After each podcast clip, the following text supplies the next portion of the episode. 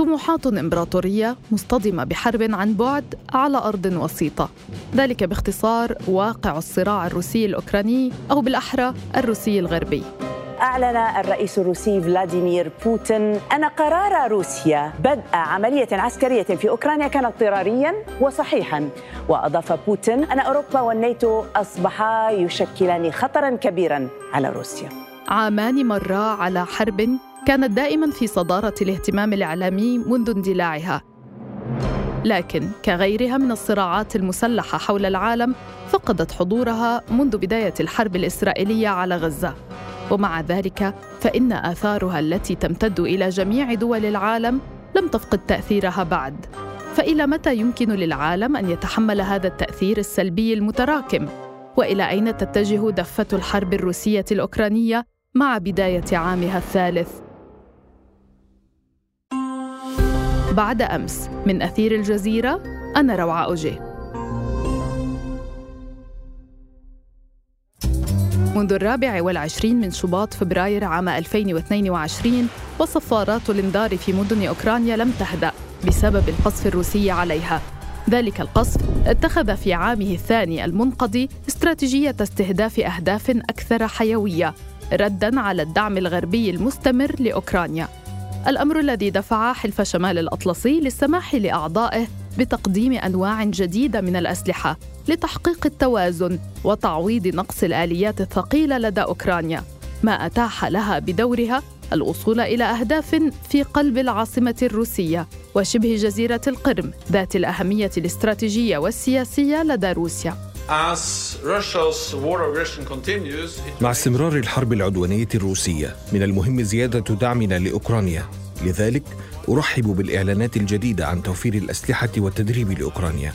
نحن نعمل على حزمة متعددة السنوات بتمويل كبير للمساعدة في إعادة بناء قطاع الأمن والدفاع الأوكراني. قرابة 20% هي نسبة الأراضي الأوكرانية التي تسيطر عليها القوات الروسية الآن. لكن وفي ظل تقارب قوى طرفي الصراع بعد قرار الناتو أصبح الحسم بعيد المنال وباتت معارك الاستنزاف تهيمن على الموقف. زاور شوج مدير مكتب الجزيرة في روسيا يشرح لنا خريطة السيطرة الجغرافية لكلا الطرفين. آه، نستطيع القول أنه الجبهة تتحرك ببطء منذ آب أغسطس من عام 2022 بعدما عادت أوكرانيا السيطرة على بعض المساحات من أراضيها. اليوم خط الجبهة يمتد على مسافة 1200 كيلومتر. تلك المناطق التي لاستفتاء كما نعلم أجرته روسيا في المقاطعات الأربع الأوكرانية التي ضمتها هي فعليا لا تسيطر بشكل كامل على هذه المناطق. نحو 95% تسيطر روسيا على مقاطعة لوغانسك. آه، قرابة 60% على مقاطعة دونيتسك.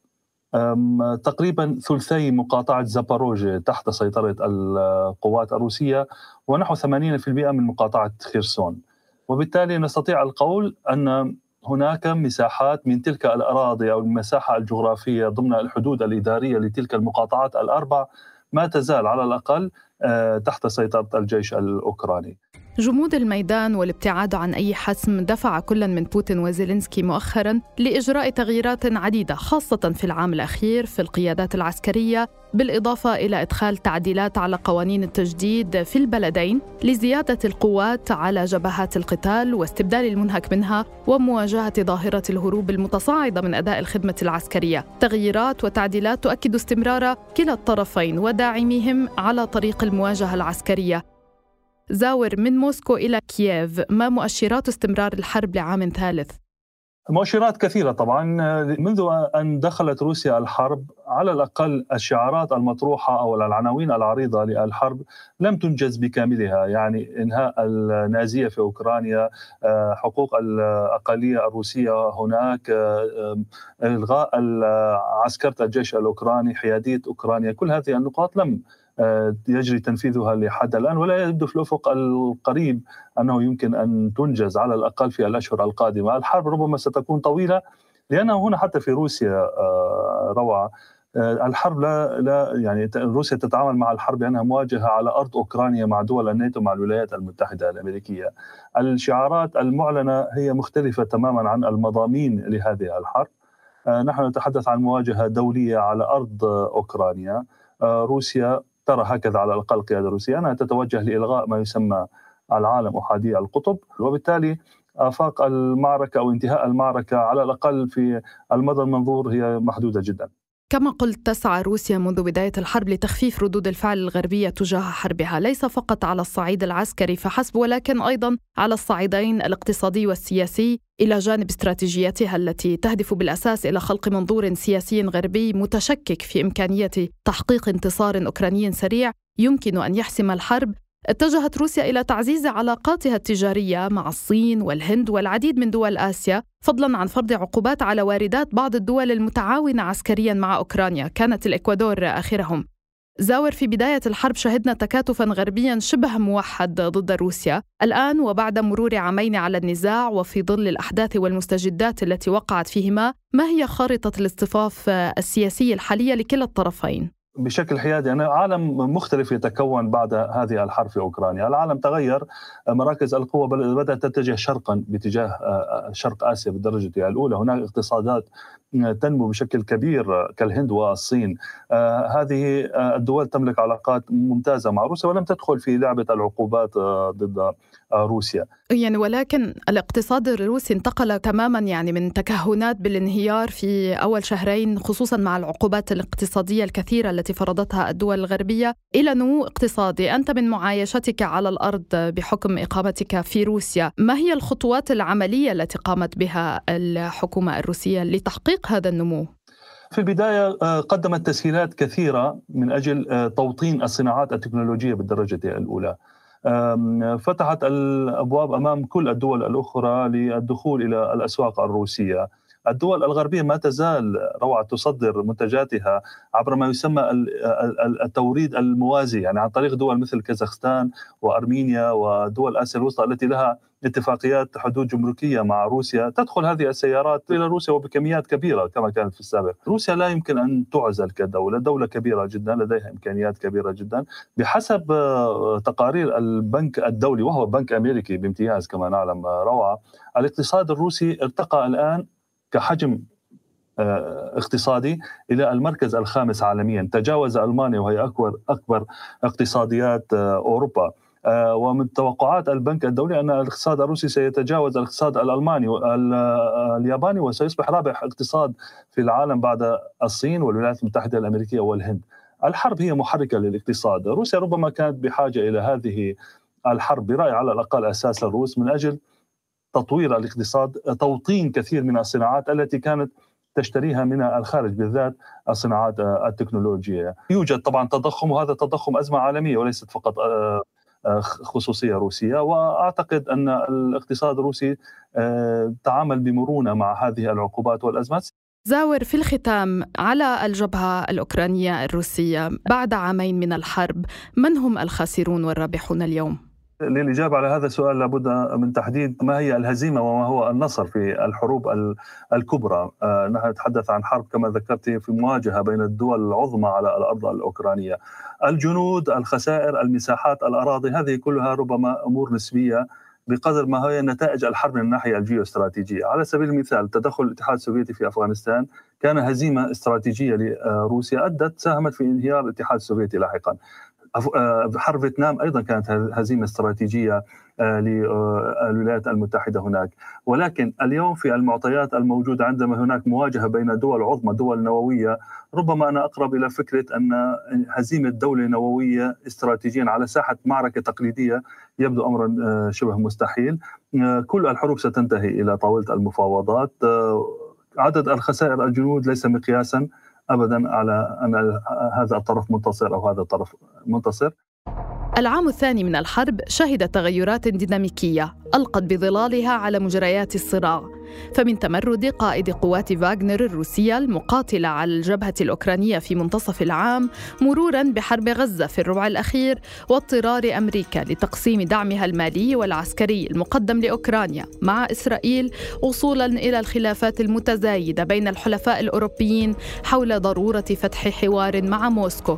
وأخيرا التسريبات المتعلقة بحزمة العقوبات الأوروبية الجديدة المرتقبة على روسيا والتي تشير إلى عدم إضافة أي أي حظر جديد على غير العادة منذ بداية الحرب على أي من الواردات الروسية فما الذي يحدث في أوروبا؟ تراجع أم إعادة تقييم للمواقف؟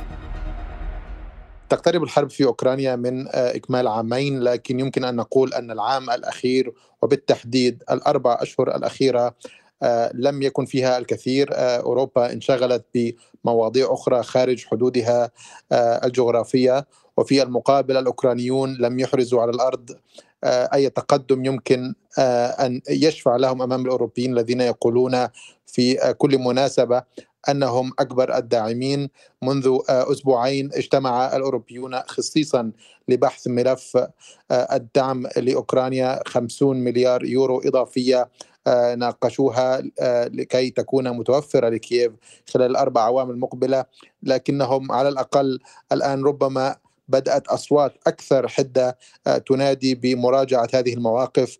هناك من يتحدث صراحة عن قبول أوكرانيا بما آه، حققته على الأرض أي بمعنى آه، أن ما فقدته آه، يجب ربما أن تغض النظر عنه ما أخذته روسيا بالفعل وأنها في المقابل حصلت على أشياء ربما أخرى أكثر أهمية منها أنها أصبحت مرشحة لعضوية الاتحاد وأنها أيضا أصبحت أقرب إلى الناتو أكثر من أي وقت مضى. عبد الله الشامي مراسل الجزيرة في بروكسل أهلا وسهلا بك. أوروبا تعاملت مع هجوم روسيا على أوكرانيا كأنه اعتداء على أراضيها فيما عدا هنغاريا. الجميع اصطف خلف كييف لكن الثمن كان عاليا اقتصاديا وحتى سياسيا. من هم الخاسرون والرابحون في أوروبا في حرب أوكرانيا؟ نعم آه، المواطن الأوروبي العادي ربما هو الخاسر الأكبر لأن الاتحاد من ناحية آه، قدم ما يزيد على 100 مليار يورو حتى اللحظة إما في شكل دعم آه، عسكري أو دعم اقتصادي أو غيرها من ربما الامتيازات التي حصل عليها آه، بعض من قطاعات المجتمع الأوكراني كان آخرها بالطبع المزارعون الأوكرانيون الذين ربما آه، بشكل غير مباشر تسببوا في احتجاجات من قبل نظرائهم الأوروبيين. الخاسرون الأكبر ربما هم الساسة الأوروبيون الذين أرادوا أن يظهروا للعالم أنهم آه، في صف واحد تجاه ما تقوم به موسكو لكنهم الآن آه، كما قال آه، منذ أيام مفوض سياسات الخارجيه في الاتحاد الأوروبي جوزيف بوريل هم في حالة إنهاك حتى ملف العقوبات بلسان بوريل نفسه لم يعد ربما بذات النجاعة التي كان بها من قبل. وصارت هناك ربما نوع من يعني المماطلة في فرض عقوبات جديدة بالنظر إلى أن روسيا لا يبدو أنها حتى اللحظة يعني تحس بالأثر الكامل لهذه العقوبات. الأوروبيون يعني ينظرون أيضا غربا ما بعد الأطلسي ينتظرون الانتخابات الأمريكية ليقرأوا مستقبل حرب أوكرانيا وآثارها عليهم، ما هي أكبر مخاوفهم؟ الأوروبيون ربما يعني أكثر شيء يخيفهم هو أن يعودوا إلى ذات المربع الذي كانوا عليه ما قبل عام 2020 أن يجدوا نفسهم في مواجهة روسيا وحيدين وأن يجدوا أيضا الولايات المتحدة التي يقولون إنها الحليف الأكبر لهم إما آه، من الناحية العسكرية أو حتى الناحية الاقتصادية. آه، تتركهم وحيدين في مواجهة روسيا. آه، تصريحات متتالية ربما في الساعات الأخيرة بالتحديد من قبل الاتحاد الأوروبي ومن قبل الناتو. ينتقدان الموقف الذي أعلنه المرشح. الرئاسي دونالد ترامب الذي كان بالطبع رئيسا سابقا للولايات المتحدة والذي قال فيه إنه لن يوقف روسيا عن الهجوم على أي من دول الحلف التي بالطبع تشكل دول الاتحاد ما يزيد على 90% منها. على سبيل المثال ملف الدعم الخاص بالذخيرة منذ أكثر من عشرة أشهر حتى هذه اللحظة لم يوفر الاتحاد ما طلبته أوكرانيا من ذخيرة ومعدات عسكرية. وهو مثال بسيط عما يمكن أن يحدث إذا ما أصبحوا وحيدين يعني في مواجهة روسيا. الإدارة الأمريكية لا تزال من أكثر المتمسكين بموقفها تجاه الحرب حتى الآن، وقد ظهر ذلك جليا مؤخرا في التشريع المكمل للأمن القومي الأمريكي الذي أعلن عنه مجلس الشيوخ الأمريكي والقائم على توفير تمويل بإجمالي قيمة 18 مليارا و300 مليون دولار، نصيب أوكرانيا وحدها منه يزيد عن النصف. المحلل السياسي محمد المنشاوي يقيم لنا الموقف الأمريكي من الحرب على أوكرانيا. الموقف الأمريكي آه، من الحرب بعد العامين آه، ما تغيرش عن موقف أمريكا من الحرب في بدايتها.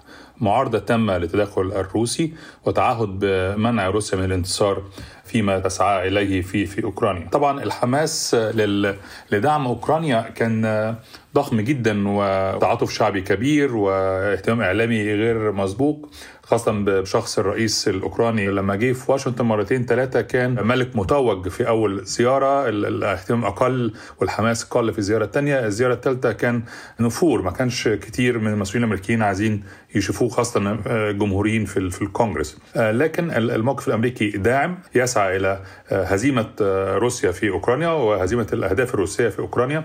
محمد الموقف الأمريكي سياسي أكثر من كونه عسكريا والقادة الأمريكيون لا يخفون ذلك. إذا أردنا مراجعة قائمة الأهداف السياسية للإدارة الأمريكية في هذه الحرب ورصد المحقق منها ماذا بإمكاننا أن نذكر؟ الأهداف الأمريكية واضحة جدا. كان هناك ثلاث استراتيجيات وثلاث أهداف اتفقت عليها الإدارة الأمريكية. أولها إفشال الغزو.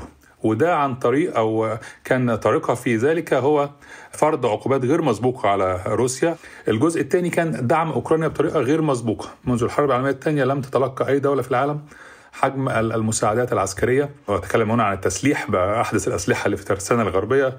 الاستراتيجيه الأمريكية الثالثة هي دعم الحلفاء المجاورين لأوكرانيا. وردع روسيا عن التفكير في عبور الحدود الأوكرانية تورد ناحية أي الدول المجاورة مثل رومانيا أو بولندا. وأرسلت أمريكا في هذا السياق أكثر من 10000 عسكري إضافي. ينضم للقوات هناك وهي متواجدة في كل الدول بحكم عضويه الناتو المشتركة. وبايدن كان صريح جدا وقال أن أي اعتداء على أي شبر من أراضي الناتو سيكون اعتداء على أمريكا وإعلان حرب مباشر. الاستراتيجية الروسية تتبلور في إنهاك أوكرانيا وداعميها وبالتأكيد أمريكا في مقدمتهم حتى يقبلوا بالوضع الجديد كواقع. ظهر ذلك فيما يمكن تسميته بروسنة المناطق المحتلة بوتيرة متسارعة. محمد برأيك هل يمكن أن نشهد قبولا أمريكيا لذلك الواقع الذي تحاول روسيا فرضه أو حتى حلحلة الموقف الأمريكي في عام 2024؟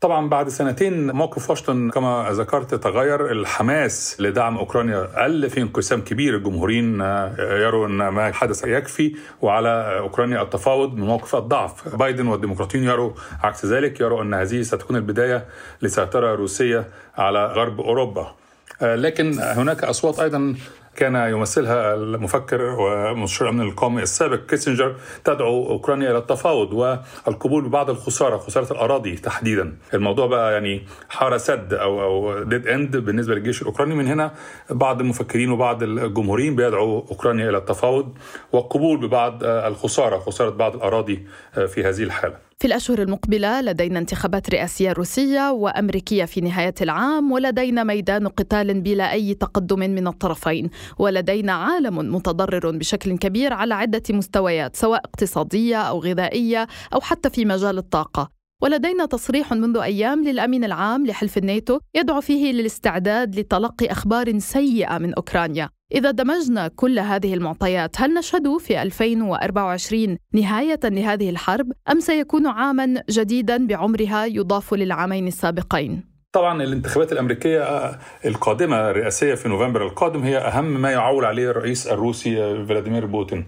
بوتين يدرك أن هناك حظوظ ليست قليلة على الإطلاق للمرشح الجمهوري والرئيس السابق دونالد ترامب بالفوز بالرئاسة. وترامب تعهد بوقف الدعم الأمريكي لأوكرانيا وتعهد أنه سينهي الحرب في يوم واحد. وأعتقد أن ما قصده ترامب أنه سيوقف الدعم العسكري والمعنوي والنفسي والاستخباراتي الأمريكي لأوكرانيا. وأعتقد أن بدون الدعم الأمريكي أوكرانيا سيتم سحقها إذا أرادت روسيا. ف أعتقد أنه سيكون ضغط كبير جدا على الحكومة الأوكرانية كي تقبل بأمر واقع جديد وتخسر بعض الأراضي انصياعا لتوازن القوى على الأرض والضغوط الأمريكية إذا جاء ترامب رئيسا.